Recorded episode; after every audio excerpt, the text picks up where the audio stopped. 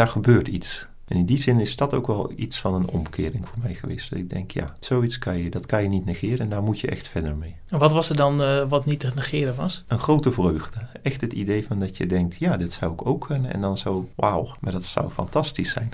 Ja. Dat zou echt heel mooi zijn. En dat was, dat was echt voor mij een, ja, een bijna tastbare vreugde. En dat ik denk, ja, daar, daar, moet ik, daar, daar moet ik iets verder mee doen.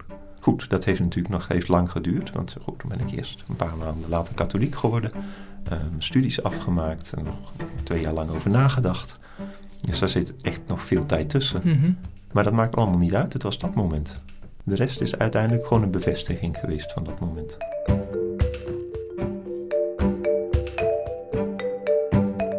Bastiaan van Rooyen is Jezuïet. Geboren in een protestants gezin lag deze weg niet voor het oprapen. Er was een bekeringsmoment voor nodig om de jonge Bastiaan in een religieuze orde te doen belanden. De protestant die katholiek wordt, is dat eigenlijk wel een bekering te noemen? Bij bekering denk je misschien eerder in termen van je omkeren om de goede weg te gaan bewandelen. Dat is misschien in deze context wat vreemd. Bastiaan, toch eh, is het wel, uh, als je in je essay in het boek uh, over bekering, bekeringsverhalen schrijft, noem je dit toch wel een soort van bekeringsmoment. Ja, ik denk vooral dat het komt omdat bij bekering moet ik vooral denken aan het geval van Paulus natuurlijk. Die zich van het uh, jodendom en van christenvervolging inderdaad tot, ja, zelf tot christen wordt. En in die zin, ja, dat klopt. Is er iets van echt een, echt een verandering uh, ten goede, zou je kunnen zeggen. Mm -hmm. um, maar in mijn geval was dat toch ook wel zo. Niet omdat het protestantisme niet goed was, maar wel omdat voor mij die weg echt, omdat het voor mij het stap naar de katholieke kerk echt een stap dichter naar, naar, naar Jezus toe is. Um, en in die zin was het voor mij echt een bekering. Iets van een toch je iets verder keren naar, naar, naar God toe. Um, en dat is niet afkeren van iets. In die zin is het misschien geen bekering. Maar wel het op echt een stapje verder gaan. Tenminste, zo ervoer ik het. Ja, ja misschien ja. moeten we even terug naar het moment. We gaan misschien wel erg snel. Um, nou, je bent dus, je komt uit een protestants gezin. Uh, en op een gegeven moment dan begint dat bij jou, dat katholicisme begint een beetje aan jou te trekken. Ja, ik vond altijd, um, ik was heel erg geraakt eigenlijk door, door een paar aspecten. Um, en eigenlijk het meeste door de liturgie, iets van die schoonheid.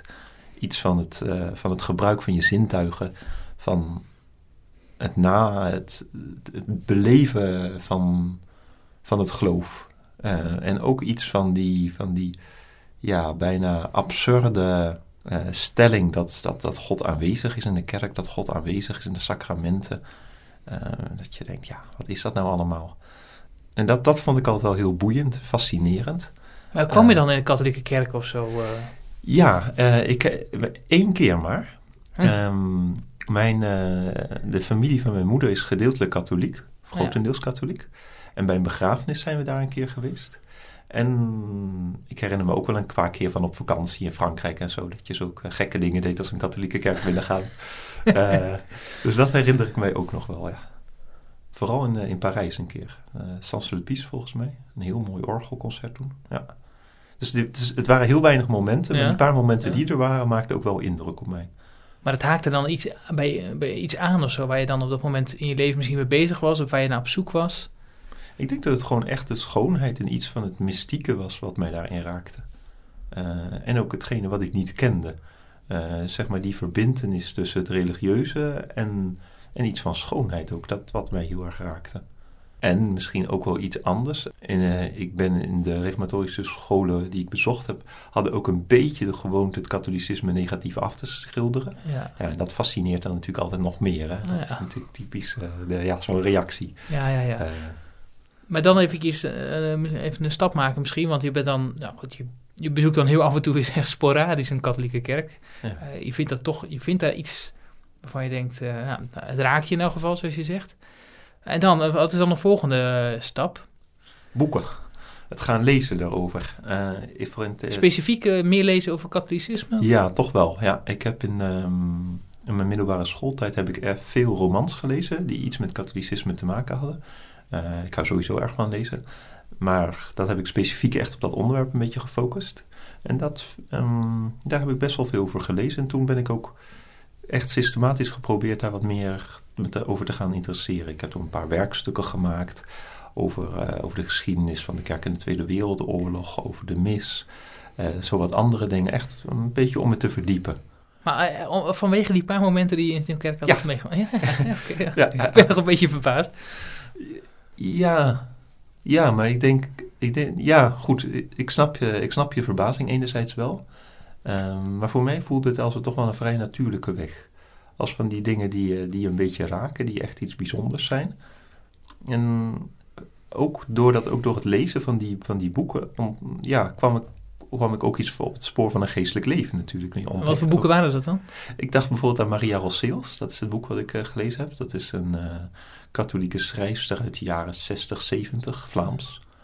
Um, en zij beschrijft uh, bijvoorbeeld het boek wat mij het meest aangesproken heeft was Dood van een non gaat over iemand die treedt in in een, in een klooster en vervolgens ook weer vertrekt ook weer. Uh, haar familie is een beetje Jansenistisch. En nou ja, goed, het gaat allemaal. En ze beschrijft helemaal hoe haar zoektocht eigenlijk naar God. Um, en dat vond ik heel, heel fascinerend. En naast het feit gewoon van een geestelijk leven, vertelt het ook wat over, of eigenlijk heel veel, over, de, over het katholicisme. En hoe dat werkte in een klooster, hoe dat werkte in de thuissituatie. Ja, ik vond het wel heel fascinerend. Ja goed, het was wel een typische vorm van katholicisme, het, Vatica, het eh, katholicisme van voor Vaticanum II. Ja. Dus nog, nog maar in al zijn uh, ja, rijkdom van, uh, van gewoontes en, uh, en volkscultuur. Maar goed, ik vond het heel boeiend mm -hmm. om daarover te lezen. Maar op zondag ging je nog trouw naar de protestantse kerk. Wat, voor ja. de fijnproeven, wat was dat voor kerk? Ik ben, mijn, mijn familie is, nee, was Nederlands hervormd en nu PKN. Ah, ja. Ja, ja, ik ben ook altijd met veel genoegen naar, naar de kerk gegaan. En ga nog steeds er regelmatig heen als ik bij mijn ouders ben bijvoorbeeld. Ja. Maar goed, elke zondag naar de protestantse kerk. En dan op een gegeven moment dan, want je bent nu uh, ja, katholiek. Hoe is dat dan? Kun je eventjes kort hier wegschetsen hoe dat dan uiteindelijk van die fascinatie van de middelbare school naar het moment is gegaan dat je ja, voor mij je inschreef bij de katholieke kerk? Uh, ja, voor mij heeft dat best wel lang geduurd middelbare school was echt nog een beetje, ja, een beetje geïnteresseerd of wel boeiend. Maar ja, je had niet echt veel de mogelijkheid om er überhaupt er veel mee te doen. Uh, toen ging ik studeren in Leiden. Nou, dan ga je natuurlijk op jezelf wonen. Dus, uh, dan wordt het toch allemaal wat anders. Dus wat, ben... wat ging je studeren? Rechten. Ah, ja. Dus toen ben ik wat, zo, uh, wat gaan zoeken. Nou, een katholieke kerk in Leiden gevonden. Een katholieke jongerengroepje gevonden. Dat was allemaal leuk. Um... Maar je ging dus meteen al voor het katholieke ja. ging niet op zoek naar de protestantse jongerengroep? Of. Nee, dat kwam ook, die kende ik heel goed vanuit, uh, en dat wilde ik ook niet. Ah, ik had daar ook wel een beetje, ik denk nee, nee nu wil ik haar ook echt uh, dat katholicisme een beetje beter leren kennen. En goed, ik vond dat mooi en dat was leuk. En zij vonden het, sorry jongen, ze vonden het ook gewoon prima, zo'n protestante jongen die dan meedeed met hun, vonden ze dat vreemd of... Of kwam dat vaker voor? Ik geloof niet dat ze zo vreemd vonden. Tenminste, oh, nee. ik had niet die indruk, dat hoop ik van niet. Ik had niet die indruk. En ja, als je gewoon in, de, in, in, een mis bijschuift, ja, niemand ziet dat je, wat je bent natuurlijk. Dus dat is niet Nee, oké. Okay. Maar goed, het was voor mij wel niet voldoende. Want goed, ik heb wel een tijdje zitten twijfelen. Katholieke kerk, zou dat wat zijn? Zou dat... Um, dat is, enerzijds voelde ik me daar aange, door aangetrokken en anderzijds dacht ik, nou, dat is toch wel een, uh, toch wel een beetje een stap. Mm -hmm. um, dus ik denk, ja, dit is, uh, zo kom ik ook niet echt verder. Hier moet, ik moet er echt iets meer van afweten. Ik moet ook wat meer afstand hebben zo, om daar wat beter over te kunnen nadenken. Dus toen ben ik voor een, uh, voor een half jaar naar, uh, naar Rome gegaan. Gewoon voor een uitwisselingsproject met mijn studie, zo'n Erasmus, Erasmus project. Mm -hmm. um, toen ben ik naar Rome gegaan. Ik dacht, nou, dat moet de stad zijn waar ik iets kan leren. Uh, dat was heel erg naïef misschien, maar goed, voor mij pakte het echt heel goed uit. Ik kwam daar in contact met, uh, met, met hele ja, actieve christenen.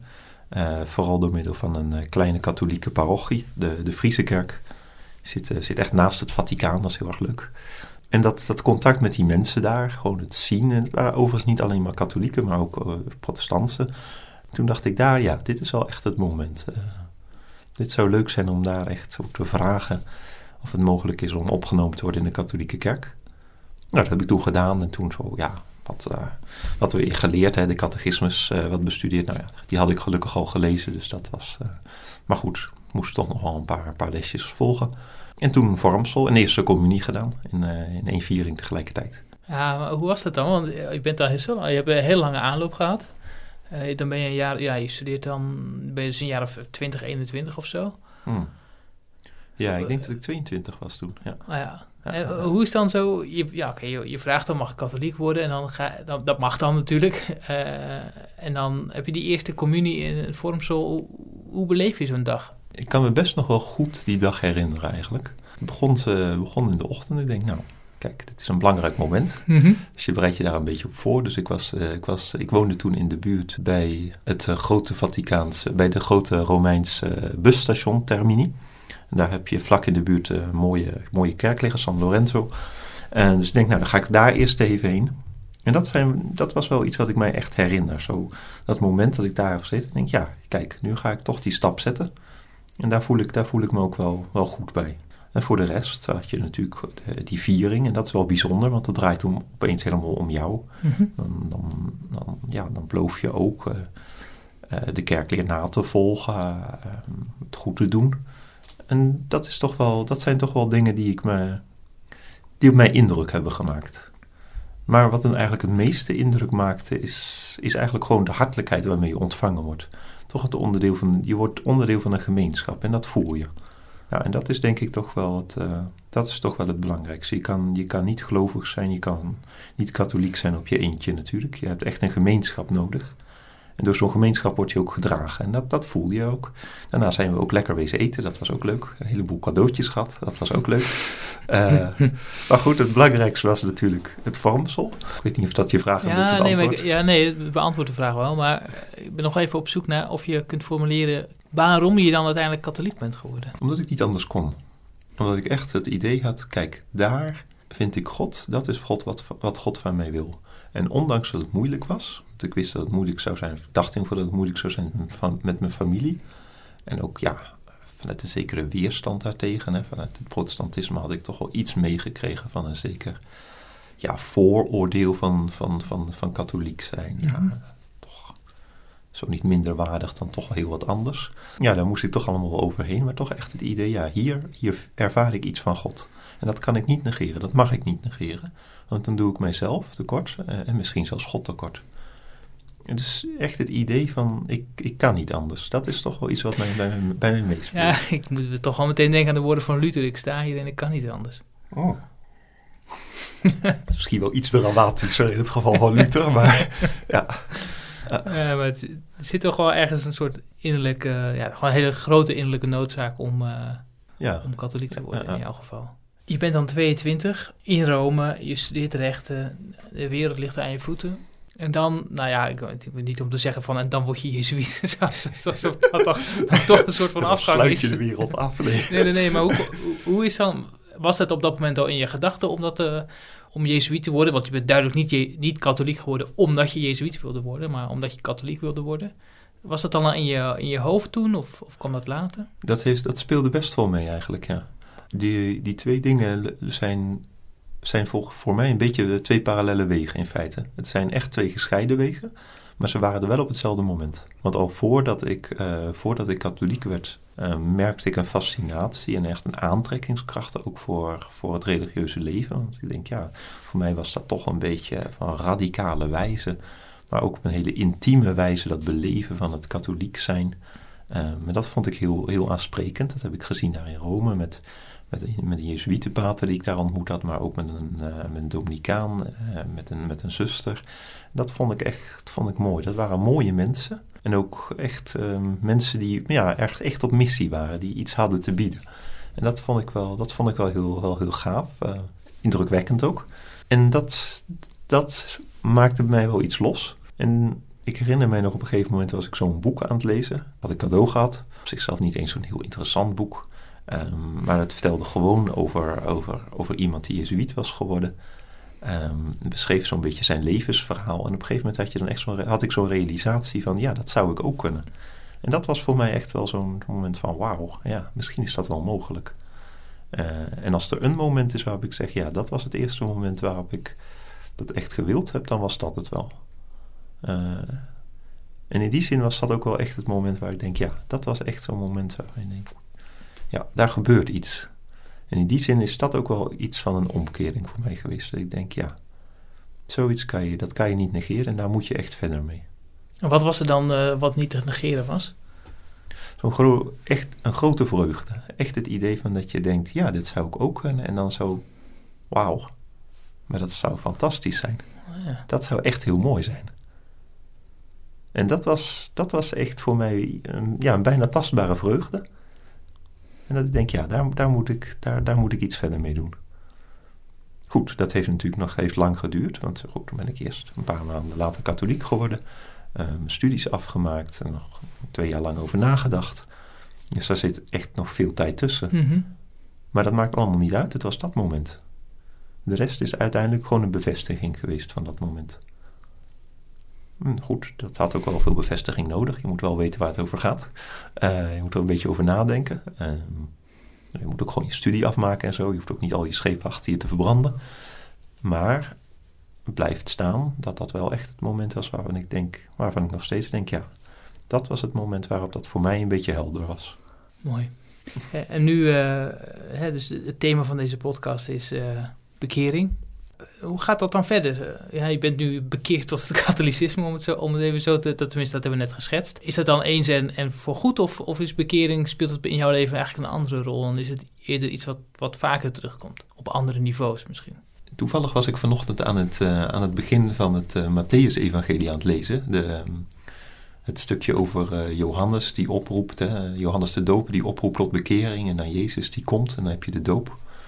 En dat is misschien eigenlijk wel een mooie manier om dat eh, een beetje te laten zien hoe ik dat begrijp.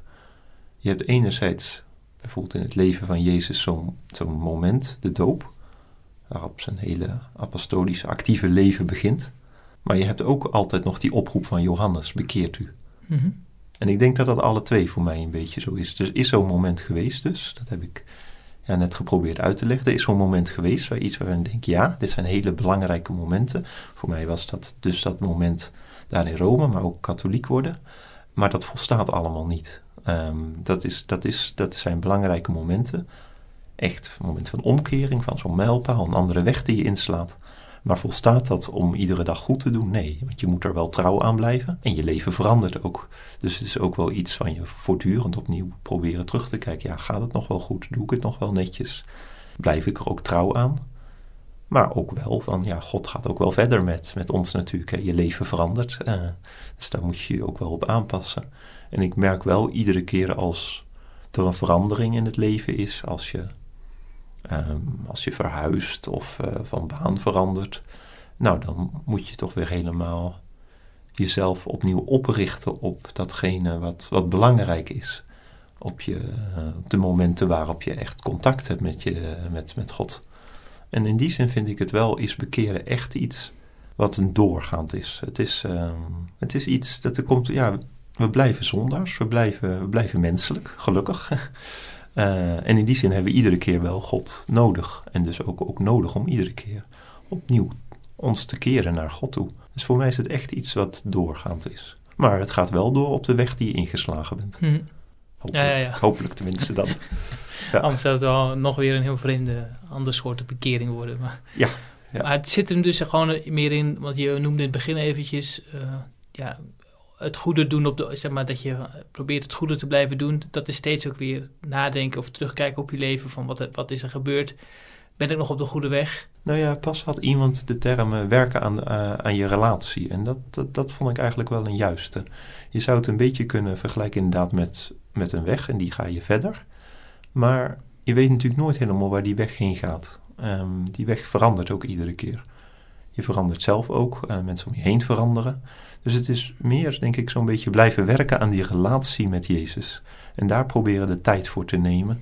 En ook ja, de openheid.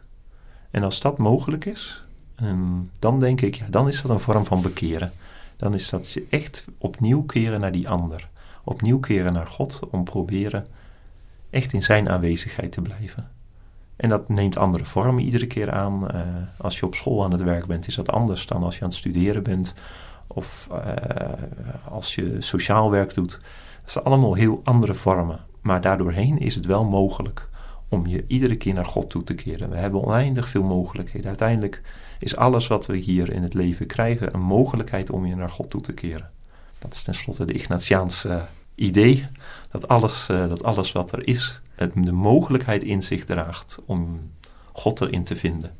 En dat is, dat is, dat is iets wat, eh, wat, ik, wat ik probeer. Dat lukt natuurlijk bijna nooit, maar goed, af en toe lukt het wel. Eh, en dat is, eh, dat is mooi. En in die zin vind ik, ja, is bekering het echt alle twee. Bekering is, zijn van die bepaalde momenten. En het is ook wel iets van het verdergaande. We zijn niet klaar met God en God is ook niet klaar met ons. Misschien is dat bij het overlijden zo, dat weet ik niet, maar in ieder geval nu nog niet.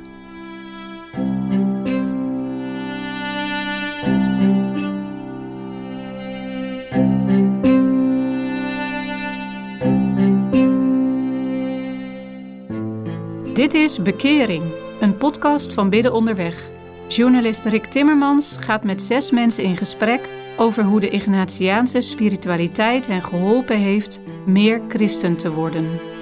Deze podcastserie is gemaakt naar aanleiding van het boek Bekering, Ignatius van Loyola en twaalf mensen van vandaag. In deze bundel biedt Jezuïet Dries van den Akker een moderne hervertelling van het indrukwekkende bekeringsverhaal van Ignatius. Daarnaast vertellen twaalf mensen van vandaag het verhaal van de bekering die Ignatius mogelijk maakte in hun leven. Het boek is online en bij de plaatselijke boekhandel te koop.